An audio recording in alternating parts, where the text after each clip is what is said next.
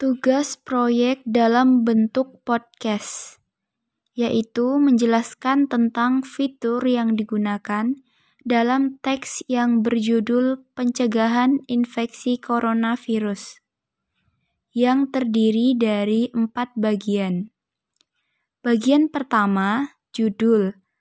Caranya, pilih font Calibri, ketik judulnya, lalu pilih performatan paragraf tengah. Bagian kedua yaitu pendahuluan. Caranya, pilih font Calibri, ketik teksnya, lalu tekan italik untuk membuat tulisan menjadi miring. Bagian ketiga, inti. Caranya, klik tombol bulat, lalu pilih bulat yang modelnya hitam bulat.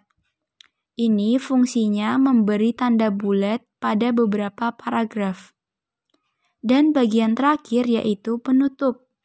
Caranya, pilih font Calibri, ketik teks, tekan bold yang berfungsi untuk menebalkan teks, juga tekan underline yang berfungsi untuk menggarisbawahi teks. Sekian, terima kasih.